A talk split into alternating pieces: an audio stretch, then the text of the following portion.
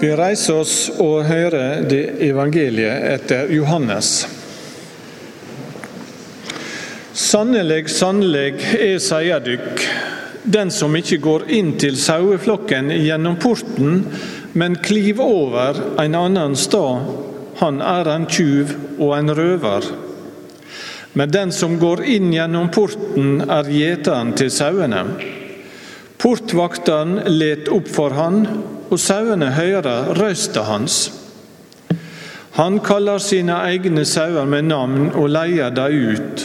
Og når han har fått ut alle sine, går han føre dem, og sauene følger han, for de kjenner røysta hans.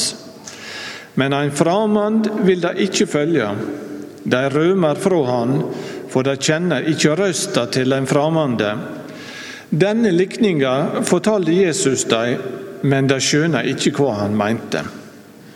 Da sa Jesus, sannelig, sannelig, jeg sier dykk, jeg er porten inn til sauene.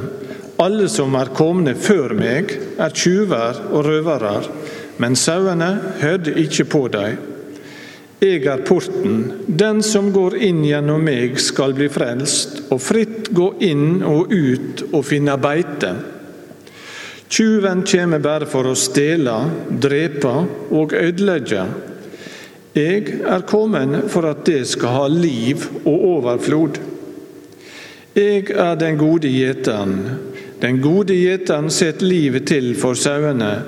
Men leiekaren, som ikke er gjeter og ikke eier sauene, han let sauene være og rømmer når han ser ulven komme.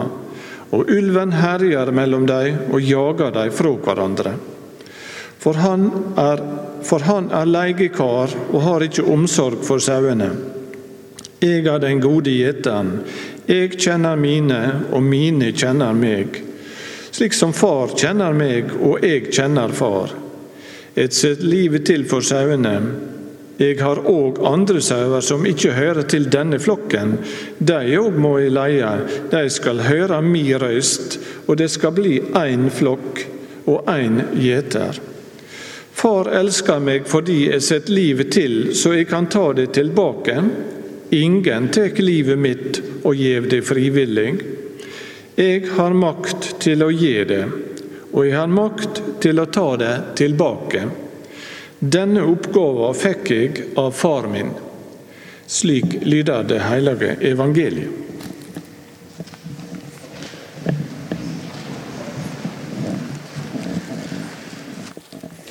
Ok, Dere har hørt det før. Jesus snakker om seg sjøl som hyrden og sitt folk som sauene. Og kanskje ja, Jeg vet ikke med dere, men jeg kan kjenne meg igjen i vers 6. Du har tekster på arket du fikk eh, når du kom inn. Denne likninga fortalte Jesus deg, men de skjønner ingenting i det hele tatt. Og det er kanskje litt sånn. For når vi tenker på gjetere og hyrder, så ser vi kanskje for oss en sauebonde vi kjenner, eller et glansbilde som vi har sett når vi var små av. Det kan enten være Jesus som står gir en klem til et lam, eh, eller det kan være en uh, unge med blondt hår som klapper et lam. Og Det er nok kanskje fint, det, men det er litt vanskelig å forstå på en måte hva er den dype betydninga her, og hva betyr det for livet vårt. På denne tida, i Midtøsten 2000 år siden, så var det ingen som tenkte på sånne ting når de hørte hyrde. Hvis du var gjeter, så hadde du egentlig en ganske farlig jobb. Du lå ute om natta og prøvde å drepe ulver som kom for å drepe sauene dine. Hvis ulvene vinner, så tar de sauene dine, og du mister det du skal leve av. Hvis du vinner, så kan du fortsette til neste dag. Og så kommer det nye ulver. ikke sant? Så det er faktisk en ganske farlig jobb. Eh, og denne gjengen her er sett på som litt sånn Nesten litt småkriminelle. Det er derfor det er så spesielt at gjeterne er de som får englekoret i jula. For de er ikke høyt i rang eller status. Og Gjennom hele Bibelen så liker Gud dette bildet veldig godt. tydeligvis. Han bruker det mange ganger i Det gamle testamentet og snakker om seg som den store gjeteren. Eh, og folket sitt som sauene. Så når Jesus plukker det opp her, så sier han egentlig jeg er Gud, og dere er mitt folk. Og Da er det plutselig litt mer interessant å se hva han sier. For først så begynner han i vers 1. Han sier Sannelig, sannelig, jeg sier dere, den som ikke går inn til saueflokken gjennom porten, men kliver over en annen stad, han er en tjuv og en røver. Men den som går inn gjennom porten, er gjeteren til sauene.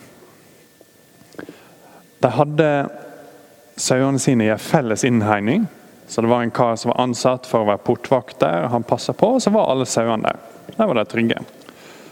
Så når du kommer, da, hvis det er du som er gjeter, så kommer du for å hente sauene dine. Og Så roper du på dem, og så kjenner de igjen stemma di og kommer. Sånn gjør de det i dag fortsatt i Midtøsten. De har ikke gjeterhunder liksom, som skremmer sauene fram. De lærer det opp. Så de kommer inn og roper ho-ho, eller et eller annet lurt de kom på. Så kommer sauene. Det er kjempetøft. Så går de faktisk foran dem og ut dit de skal. Så sier Jesus sånn er det egentlig nå også. Det er noen som kommer inn for å prøve å stjele sauene. Og Her snakker han om Guds folk. Du har en stor flokk, du har hele jødedommen. Så er det noen som er kommet inn dit med masse tull, egentlig. De har lyst til å tjene penger sjøl og bli rike, så de har funnet ut at det religiøse det er en god måte å lure folk på. og Da kan vi få makt, og da kan vi gjøre ting som vi vil. Men de bryr seg om sauene i det hele tatt. Og Så kommer Jesus inn, og vers 3. Portvakten let opp for ham, og sauene hører røsta hans. Han kaller sine egne sauer med navn og leier dem ut. Så det er ikke bare at de kjenner igjen hans sitt sånn kallesignal og går etter han og følger han. Han kjenner dem. Her er en som bryr seg om sauene sine, og som henter dem ut. Men vers 5, en framann vil de ikke følge. De rømmer fra han, for de kjenner ikke røsta til den fremmede. Så Jesus sier egentlig noe her som han sier mange ganger gjennom hele sin, sitt virke. At når han kommer, så deler flokken seg, om du vil kalle det det, naturlig to. Det er noen som ser han og tenker jeg forstår ingenting. Og det lille jeg forstår, syns jeg ingenting om. Og så er det en annen del av flokken, av jødedommen, som sier, sier oi, dette høres mistenkelig kjent ut. Når Jesus snakker nå, så er det kanskje med litt andre ord og litt annen innpakning. Men her er det en som kjenner meg. Her er Gud som snakker til meg. Han må jeg følge uansett hva det koster meg. Så Det er korte trekk han sier så langt. Disiplene som vanlig skjønner ingenting. Eh, de lurer på hva han mener med sauer. og sånn. Så vers 7 så prøver han en annen måte å si det på. Han sier Sannelig, sannelig, jeg sier dere, jeg er porten inn til sauene. Så nå snur han og prøver en annen metafor. Alle som er kommet før meg, er tjuver og røvere, men sauene hørte ikke på dem. Jeg er porten. Den som går inn gjennom meg, skal bli frelst og fritt gå inn og ut og finne beite. Så Du har tatt sauene dine, du har henta dem i den store, trygge innhegninga. Og du har gått ut på marka. Og Så kommer kvelden, og så er det for langt tilbake.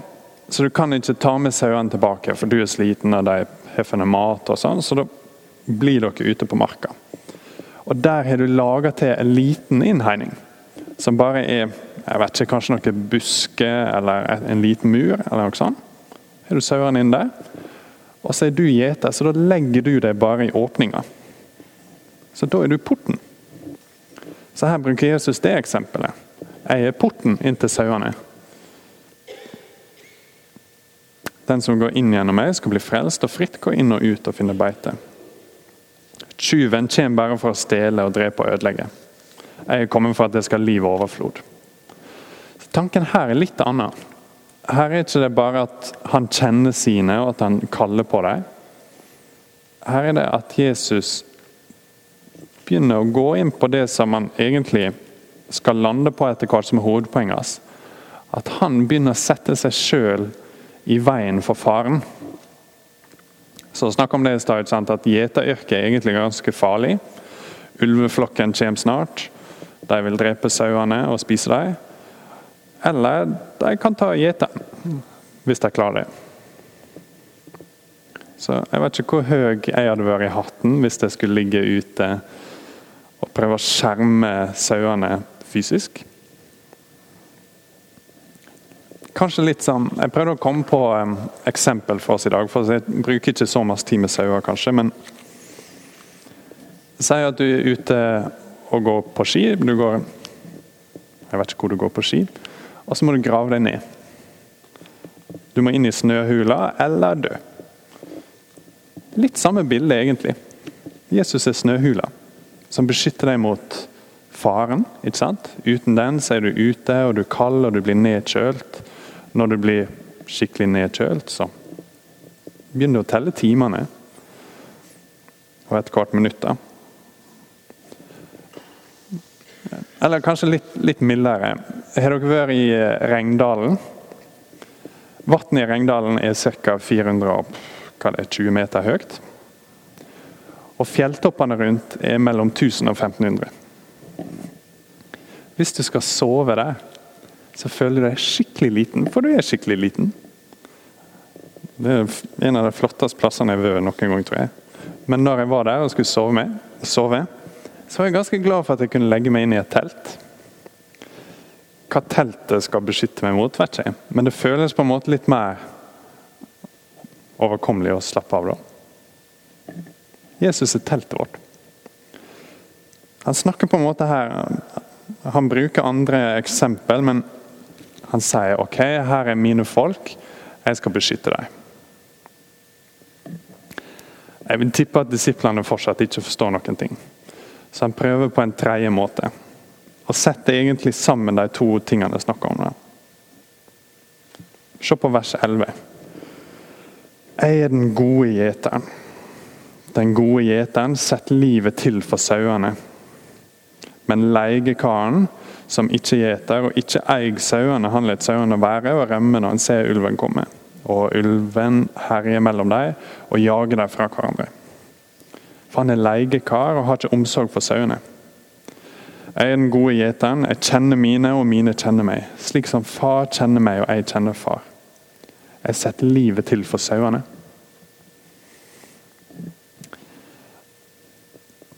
Her kommer egentlig hovedpoenget. Hele metaforen her handler om at Jesus snart skal dø.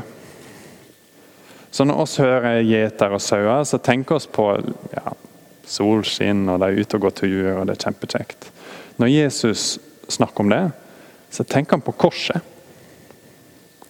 Det er en stor fare som er i ferd med å ramme sauene hans. De kommer til å dø. Der er en dom som kommer, der er ulver på vei. Og de har en del leiekarer som på en måte tilbyr seg å passe på dem. De jødiske lederne er der, de har masse store ord. Hvis vi hadde lest litt videre i teksten, eh, så begynner jødene å diskutere pga. det Jesus har sagt. og Noen konkluderer med at Jesus er egentlig demonbesatt. Eh, og Det er en bedre idé, syns de, at folket hører på dem, for de kan lede dem, og de kan beskytte dem, og de kan knekke koden på faren som er. Men egentlig så bryr ikke de seg i det hele tatt. De bryr seg om seg sjøl, sin status og sin rikdom osv. De kjenner ikke sauene med navn. Og når faren kommer, så er det ikke de som legger seg i veien, eller som går og skal slåss mot ulven og kanskje dø. De stikker av. For de er leiekarer. De har, ikke den personlige koblinga. Og Det er egentlig dette jeg tror Jesus vil at disiplene skal forstå når han snakker om det, og derfor oss også. At Jesus står ikke på avstand fra oss og ja, på en måte beskytter oss mot fare hvis det passer han, og hvis det blir for vanskelig, så stikker han. Han legger seg sjøl i veien for faren. På en annen måte kan du si at Jesus dør for vennskapene sine. Han dør fordi han er glad i far. Det kommer på slutten der. i vers 17. Far elsker meg fordi jeg har sett livet til, så jeg kan ta det tilbake. Ingen tar livet mitt, jeg gir det frivillig. Jeg har makt til å gi det, jeg har makt til å ta det tilbake. Denne oppgaven fikk jeg av far min. Så Jesus er glad i far og har lyst til å ære han og tjene han, så derfor dør han. Han er glad i kirka, han er glad i folket sitt. Det så oss i stad med at han roper på sin flokk, og så kommer de ut. Men så sier han noe rart. Han sier det i et eller annet vers her, hvis dere klarer å finne det. Kanskje dere ser det. Han sier etter hvert at 'jeg har en annen flokk også'. Ja, vers 16. Jeg har òg andre sauer som ikke hører til denne flokken. De òg må jeg leie, og de skal bli min røst. Foreløpig, på denne tida i historien, så er det ingen som har tenkt på oss som ikke er jøder av etnisitet. Men Jesus sitter og tenker på oss. Foreløpig har han snakka om at jødedommen er den store saueflokken, og så er det noen inni der som kjenner han, og som kommer ut. Men han har også en annen flokk, som sitter i Norge, i Sykkylven, eh, som ikke, iallfall de fleste av oss som jeg vet om, er etniske jøder og ikke har en sånn fysisk kobling til Abraham og de løftene han fikk. Men Jesus tenker på oss.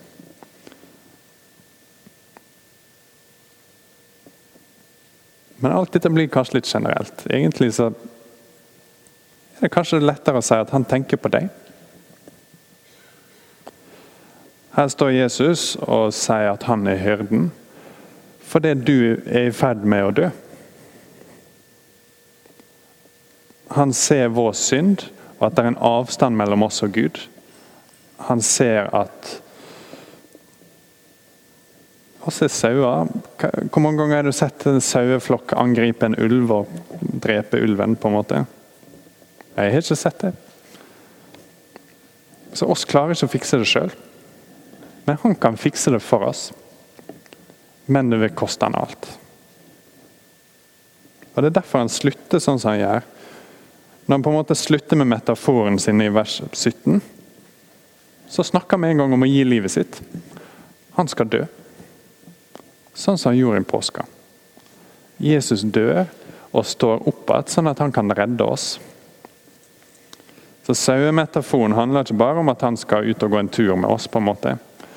Det handler om at oss er i ferd med å dø. Og så er mange falske ledere som tilbyr seg å komme og hjelpe oss og redde oss. Og for bare 1000 kroner så kan de fikse alt. Men egentlig så bryr ikke de seg. Og det stikker med en gang problemene blir for store. Men her er Jesus. Og når problemene blir for store, da er det han som dør. Sånn at oss kan leve. Så han dør den døden som oss egentlig skulle dødd. Sånn at oss kan leve hans sitt liv og få hans sin status. Og så står han opp sånn at oss kan ha et evig liv med han. Og dele det forholdet han har med far og med hverandre. La oss be. Kjære Gud, du ser at um, av og til så føler oss du er langt vekke. Uh, av og til så føler oss at uh, og står her alene, men ut fra det du sier i ditt ord, så kjenner du hver og en av oss med navn.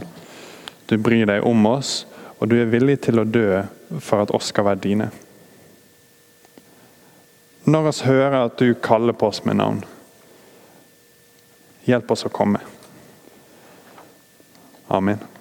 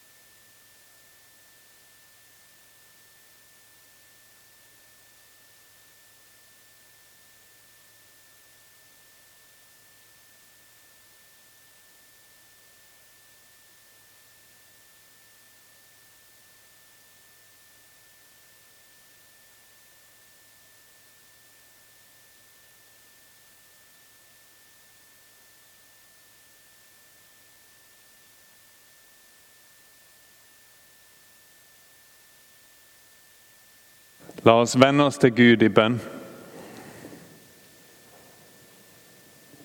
Herre vår Gud og Far, vi takker deg og priser ditt hellige navn, for du er god, og din miskunn varer til evig tid. Vi ber for de kirke på jorda. Fyll henne med din ande. La de små som blir døpt, vokse opp i samfunn med deg. Kall konfirmantene våre til et liv i forsaking, tru og tjeneste. Før de frafalne tilbake til dåpsnåden. Og la ditt ord bli forkynt klart og rent, og sakramentene dine bli brukt rett. Gi kirka vår tjenere som både lærer og lever rett. Og hjelp oss alle å tjene deg med truskap. La ordene ditt ha framgang mellom alle folkeslag. Gi kraft og mot til de som blir forfulgt for ditt navns skyld. Velsign og styrk alle misjonærer i Guds rike. Og oss spesielt for misjonsprosjektene våre i Thailand, i Haifa og i Ålesund. I Jesu Kristi navn ber vi til deg, vår Gud og Far.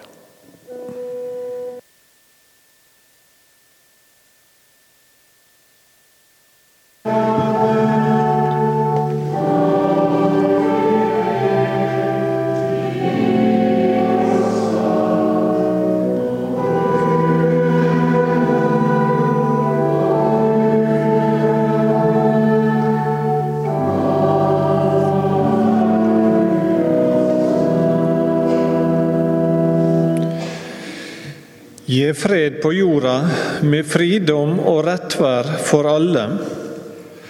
Lær oss å verne om menneskeverdet fra livet begynner i mors mage og til det ender. Miskunna deg over de som lever i fattigdom og naud. Lær oss å ta vare på ditt skaperverk og dele dine gaver rett. Velsigna kongen og hans hus, vårt folk og fedreland og våre landsmenn på havet og i framande land. Hold de vernende hand over barna og unge. La din ande råde i heim og skole. Gi visdom og rettssinn til alle som har ansvar i samfunnet, og lær oss å arbeide til beste for hverandre. I Jesu Kristi navn ber vi til deg, vår Gud og Far.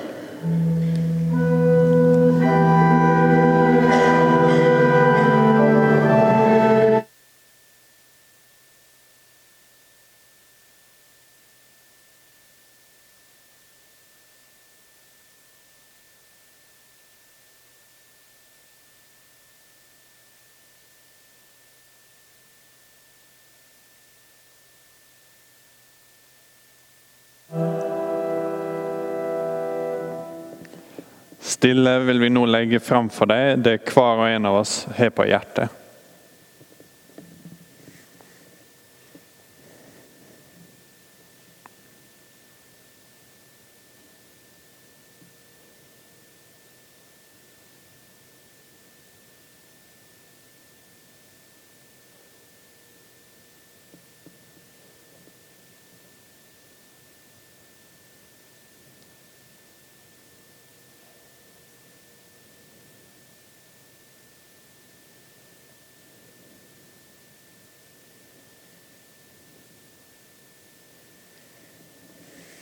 I Jesu Kristi navn ber vi til deg, vår Gud og Far.